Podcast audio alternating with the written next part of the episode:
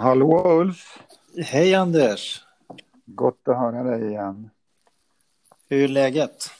Tack, det är bara bra. Jag har just fått reda på att min, min favoritlunchhak stänger imorgon. Katastrof. Ja, de ska renovera. Ja, men det var ju bra. Det var inte konkurs. tillbaka. Så att Ja. jag kommer inte få min fantastiskt goda biff sashimi från Belly i Karlstad utan får nöja mig med eh, Klaras fantastiska nattunbakade eh, fläskfilé. ja. Vilka... Nej, det, det är bra med mig. Det är väldigt... Hur är det med dig, Ulf? Nej, det är bra. Katterna har somnat och jag sitter vid köksbordet som eh, många gör idag i dessa pandemitider och eh, jobbar. Och vi är jätteglada att eh, vi hörs. Så att eh, jag är lite sugen på att komma igång och snacka lite om eh, ett ämne idag. Ja, ja, Vi har snackat om det Du- tidigare. ja. Ulf, du, vad kostar behavior-based safety för, för en organisation eller för ett företag? Och vad, och vad tjänar man på? Kost, kostnader och vinster med beteendebaserad säkerhet. Vad, Mm. vad säger du? Kan vi, kan vi lägga lite tid på det och, och krångla till det lite för oss? Det var precis det jag tänkte på idag när när vi hördes. Eh, jättebra fråga. Konsulter kostar ju. Konsult, det finns lite av en konsult... Eh, eh, allergi. Man vill inte ta in i, i vissa skeden och så, så säger man vi har köpstopp, vi ska inte ha några konsultkostnader. Det här ska vi klara själva. Men just när det gäller beteendebaserad säkerhet då behöver man konsulter. Men inte så mycket som man tror.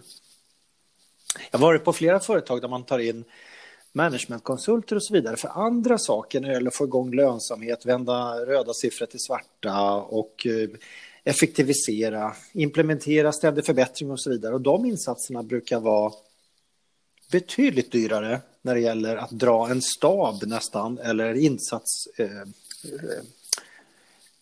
eh, eh, utav konsulter som man behåller ganska länge som sen blir klart med sitt och sen försvinner ur eh, bolaget. Det är ganska intensiva och kostnadsintensiva insatser. Eh, när jag jämför ett arbete som eh, konsulter gör när det gäller beteendebaserad säkerhet så är de kostnaderna de är inte i närheten av samma kostnader som, som den insats jag nyss nämnde. Ändå ser är man lite känslig för att lägga för mycket resurser på en sån sak som beteendebaserad säkerhet. Så att, eh, jag skulle säga så här, det är kostnader. Eh, eh, vi har upplägg, jag och du och våra kollegor när vi jobbar med sånt här, att vi tränar ju tränare i bolagen. Så vi utbildar ju folk att utbilda andra, det som heter train the trainers idag. Och det tar ju lite tid, men inte så hemskt mycket. Så att om man kan säga att den är lite framtung då, att det är mycket kostnader i början och framförallt tid, att det tar lite tid, men inte så jättemycket tid. Men sen när det väl kommer i ett system och sätts in i det system att hantera verksamhet som man har i övrigt, då är det, då är det väldigt lite kostnader. Du, prat, du pratar om kostnader på olika sätt här. Ja, Dels så pratar du om kostnader, hur mycket pengar det är och så- bara konstatera att ja, konsulter generellt sett kostar mycket pengar. ja, Och nästa säger liksom när du sätter det i, i, i proportion med vad en beteendebaserad säkerhetsintervention kostar så sätter det i, i proportion med vad andra managementkonsultinterventioner kostar och så Mm. kan du konstatera att det är betydligt lägre. ja det är min... Och- Det, ja, Det är mindre. Ja. Ja. Och sen säger också den tredje delen i kostnader. Det är hur, och det här tror jag är en viktig psykologisk del i det, hur, hur mycket man upplever att man har råd med det. Mm. Om jag får ta ett personligt exempel. Som i vår familj, alltså jag och min sambo, vi har inga problem på att liksom köpa smågodis för hur mycket pengar som helst. mm, Men vi kan bli extremt snåla på, på andra saker. mm, Som, som, och liksom så här att, ja men, så lurar vi oss lite grann. Jag kan bli så här, men ska vi verkligen köpa ja, ekologiska grönsaker? Det är klart man ska göra det. Men jag kan tycka så bara, oj, det var, det var dyrt med ekologiska morötter. Medan smågodis som är jättedumt, ja men det, det, det bara kan få. Och att, att det finns någon form av, av, av perception i hur man upplever det. Mm. Vissa kostnader tar man i bara farten. Ja. ja. Så. Men det intressanta, ja, många företag som vi kommer till idag, eller organisationer, de har ett timpris också, så att de, de tittar på alternativkostnader. Så att eh, om man, om man säger hur många, jag har hört många av eh, enhetschefer och andra säga så här, hur många timmar kommer det ta? Och så försöker de räkna då en, en sån kostnad internt, inte vill säga vad konsulten kostar, utan vad det kostar att låta personalen göra andra saker än vara exempelvis i produktion. 1500 timmar eller vad det kan vara i en produktionstimma. Eh, det där är lite kortsiktigt tänkt. Eh, då har vi ännu inte kommit in på alla de vinster man gör. Och de, mm. de vet jag kommer. Jag har sett det, jag har både känt det, anat det, men också sett det i siffror. Hur, vilken jätteeffekt det får efter ett tag när det här börjar sätta sig och man börjar implementera det här även på grannområden. Inte bara säkerhet utan även på kanske kvalitet eller rättidighet eller eh, volymer och så vidare. Ett sätt att leda då, där man har medarbetarna med sig på ett helt annat sätt. Som, som vi jobbar då när det gäller beteendebaserad säkerhet. Att, det, att man säger att det är en frontlinjestyrd verksamhet. Jag har ju sett exempel på där man har gått ner på självriskkostnader. Man har haft en årlig budget på eh, ganska många miljoner och bara på ett par år så har man sänkt den med fyra femtedelar. Ehm, när man väl får se de siffrorna, då brukar platsledningar eller bolagsledningar höja på ögonbrynen. Och, och, när väl de siffrorna kommer på hur mycket man tjänar på att göra de här investeringarna, då faller alla argument om att det här skulle vara för dyrt.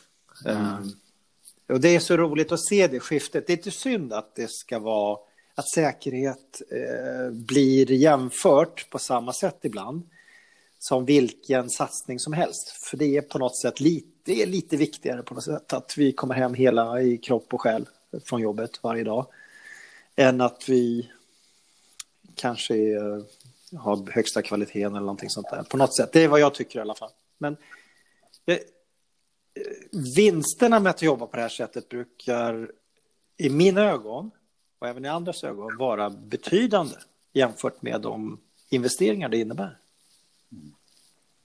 Så det, och det tycker jag är, det är viktigt att berätta det och berätta, ge exempel på det när man jobbar med det här.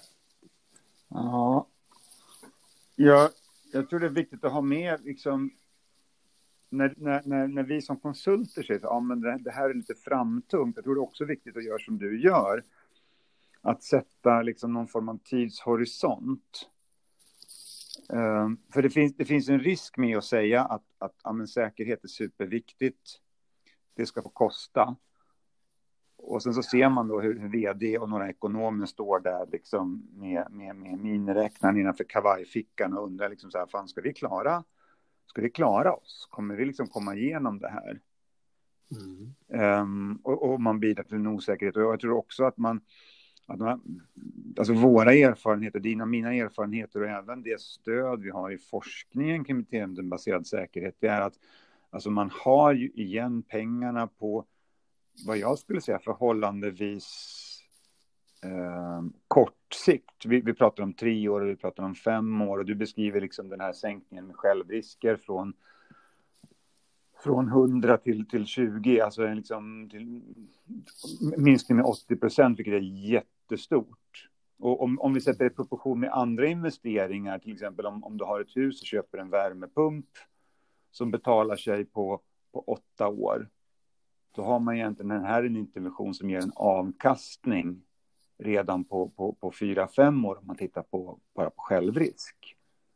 Och, det, och då är vi tillbaka lite grann där med smågodis och morötter, hur man, hur man väljer att titta på det och det här med perception. Men det är lättare om jag gör en investering kvalitets, om jag har en pappersmaskin exempelvis så kan jag byta några verktyg på den som genast ökar volymen eller sänker antalet driftstopp eller så, då kan jag räkna hem det ganska fort. Det, det, det är också avancerade beräkningar, men, men det är väldigt konkret. Men när vi jobbar med beteende och människor och beteendebaserad säkerhet så blir det så många oberoende faktorer. Så det är, det är svårt att räkna hem, men vi ser det, eller jag ser det när vi väl gör det och särskilt tittar i backspegeln när vi har gjort sådana här saker. Då är det precis de här eh, multiplarna vi pratar om. Mm. Och då har vi inte pratat eh, särskilt mycket om, då har vi inte räknat med det här med ökad eh, trivsel på jobbet och delaktighet här som, som vi tidigare nämnt som heter empowerment i praktiken, att folk är med och, och bryr sig. Mm. Det värdet har vi då inte ens börjat prata om. Du, du nämner flera värden här. Dels menar, med, pratar du om, om minskade olyckor och vad det betyder i, i minskad självrisk, vilket är en av de enklare grejerna att räkna hem. Mm. Och sen så nämner du också, eh, eller du nämner inte det, men det finns ju också det att, att när, vi, när vi har mindre olyckor, då har vi mindre svinn på material och mindre sjukskrivningar och de kostnaderna är ganska svåra att räkna på, men de är väldigt enkla att se att de finns där. Och sen säger du också att det här sättet att arbeta på, att, att, att ge medarbetarna möjlighet att styra gör att de faktiskt, ja men det blir roligare att jobba helt enkelt. Mm. För alla inblandade. Ja. Och jag tänker på någonting som, som jag tycker är viktigt att lyfta fram det här som är, är att ja, men säkerhet kan inte ställas emot kvalitet eller lönsamhet eller hållbarhet. Eh, och snarare att jobba beteendebaserat med säkerhet, som du beskriver, ja, men det öppnar också upp för att när man, är, när man känner sig redo kan man faktiskt ta steget vidare och säga, ja, men hur ska vi kunna jobba eh, beteendebaserat med, med lönsamhet eller med, med, med kvalitet eller med, med, med underhåll eller vad nästa mm. utveckling är. Mm. Mm. Eh, men det roliga är att det är kunder som kommer tillbaka och berättar du, vi tog det här till kvalitetsavdelningen också och vi visar sig att det går att köra på samma sätt med den här delaktigheten. Ja. Och det är så roligt att höra det.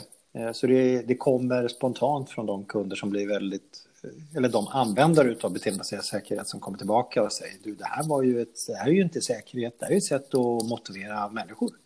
Det är ett sätt att leda med delaktighet.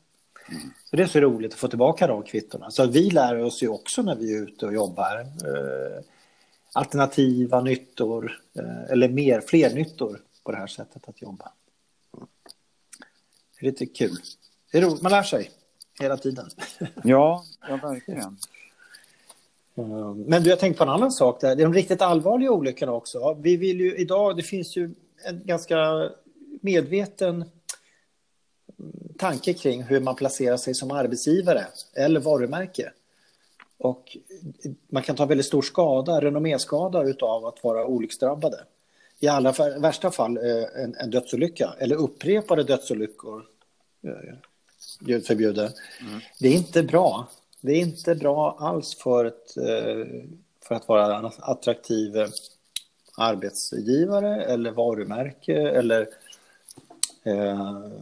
ja, det var intressant för investeringar för investerare om det är ett bolag eh, eller en organisation som är ute på eh, aktiemarknaden och så vidare.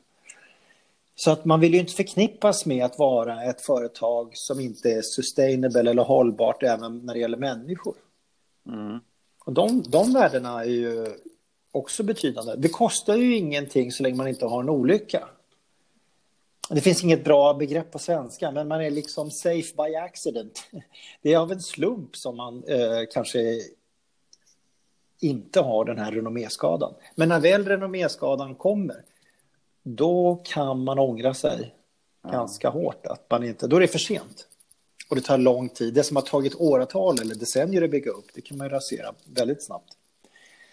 Om man har otur, för en olycka. Eh, någon, någon någon större miljökatastrof eller där folk förolyckas. Mm. Exempelvis. Så att det, det, finns och sån, det finns så många delar i det här utav vinster att jobba med arbetssäkerhet och i synnerhet då som, som du och jag ser det här med beteendebaserad säkerhet för det är så konkret och vi ser exempel på Aha. de här vinsterna som vi nu pratar om. När, när, när du beskriver om de här eh, vinsterna som ligger längre men som också är, är sånt som, ja, men som kommer upp i diskussioner och som, ja, men som vi får frågor om och som ligger där någonstans kring, ja, men kring varumärke och kring kring den delen så tänker jag så att vi inom, inom beteendeanalysen och beteendeanalysen inom organisation så pratar vi om picknickanalyser. Mm. Och det här är ju rätt mycket grekiska för de flesta, tänker jag. Men då menar man att vi styrs av konsekvenser, men konsekvenser som ligger långt bort har, har, sla, har, har svagare kraft. Eh, konsekvenser som är osäkra får svagare kraft. Eh, och, och, konsekvenser som, som kommer ja, men som inte kommer regelbundet utan mer, utan mer slumpmässigt är osäkra. Alltså då har vi liksom en risken med en dödsolycka, ja, men den, den kommer långt bort i framtiden. Eh, den är oregelbunden eh, och vi vet inte när den kommer och då blir också att den eh, påverkar väldigt lite, tänker jag. Om mm. vi inte flyttar fram den på något sätt. Och här tänker jag, här är det egentligen mm. också lättare att titta på att om vi, om vi gör rätt saker så kommer vi att jobba säkrare. Då kommer vi slippa olyckor, men vi kommer också jobba mer lönsamt. Mm. Det är ungefär som den här sägningen som finns, liksom, vi ska jobba säkert eller inte alls. Ett, ja. ett ställt pass är alltid billigare än en olycka. Så redan, redan där när vi ställer passet har vi någonstans en, en, en, en ja, men ekonomiskt sett i alla fall en, en vinst. Och då, då, behöver vi liksom känna, känna igen det som, som en vinst. Mm, det är bra att du tar upp det, för att jag har hört flera gånger att det är viktigt att containern fylls till torsdagen som den ska vara, för då ska den till Kina. Eh, de konsekvenserna är ju kanske bara om någon dag. Eh, och det är så lätt att se dem och det är så lätt att skicka iväg den här containern. Eh, att se att man är klar med jobbet.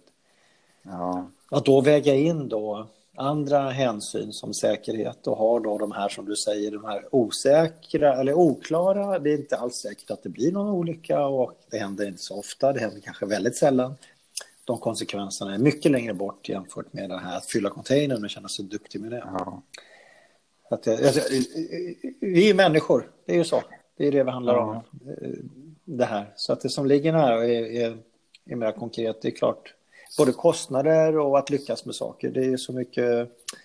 Det drar ju så mycket mer uppmärksamhet och det blir kanske i värsta fall lite mer brandkårsutryckning. Att man släcker bränder kortsiktigt istället för att ha ett långsiktigt, mycket mer lönsamt arbete med stöd av ett genomtänkt säkerhetsarbete som man investerar i ordentligt.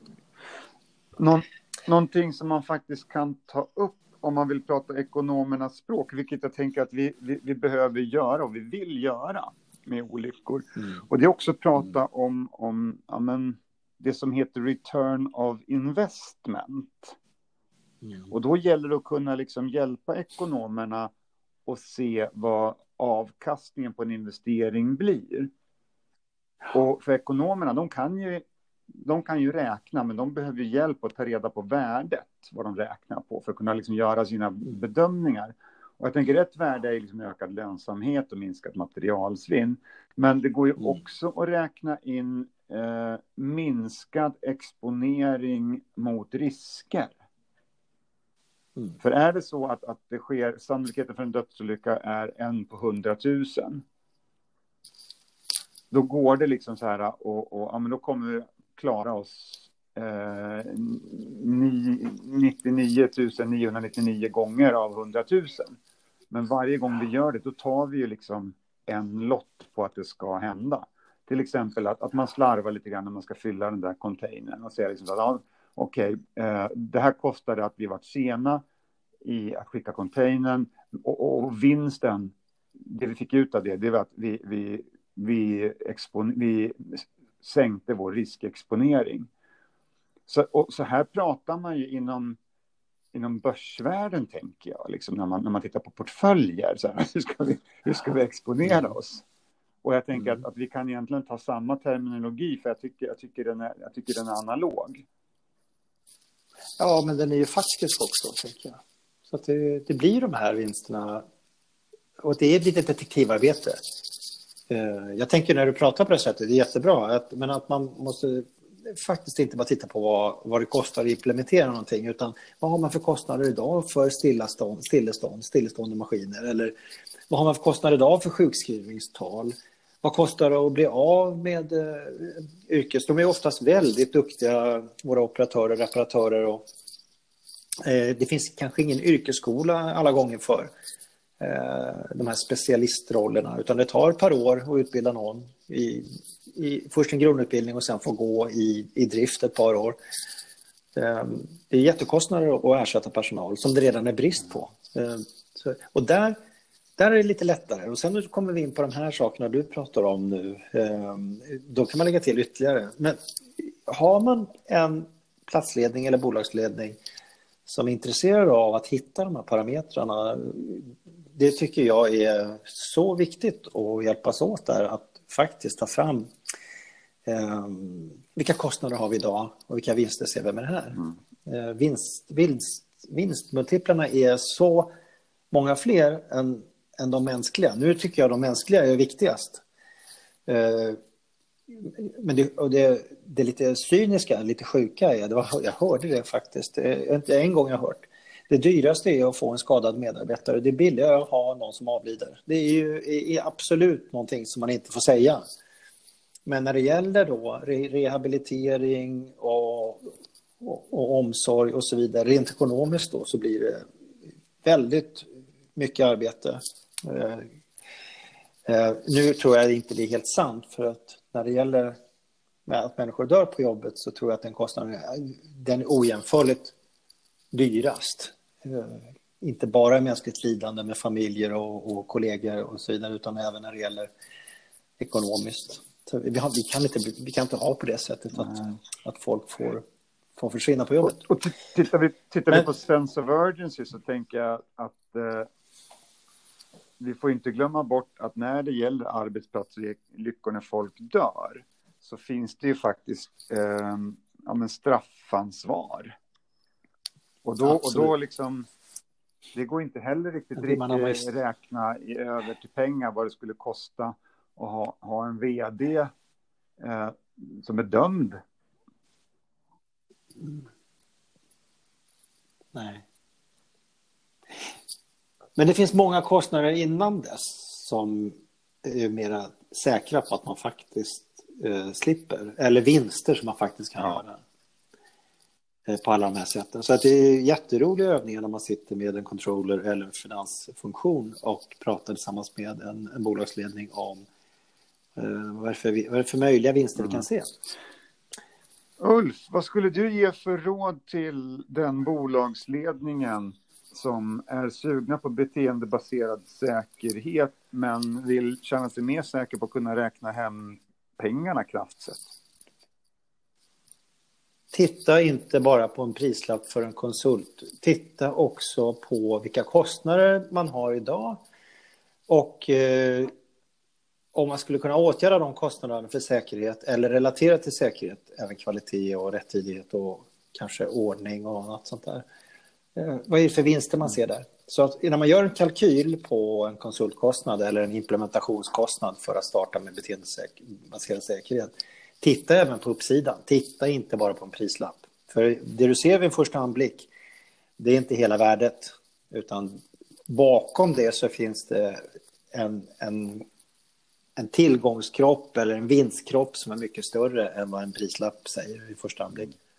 Jag skulle vilja jag skulle vilja lägga till, jag håller absolut med, jag skulle vilja lägga till en sak och det är att ta hjälp av en konsult. Ring mig eller Ulf eller någon av våra eh, samarbetspartner eller konkurrenter för den delen så hjälper vi er att räkna.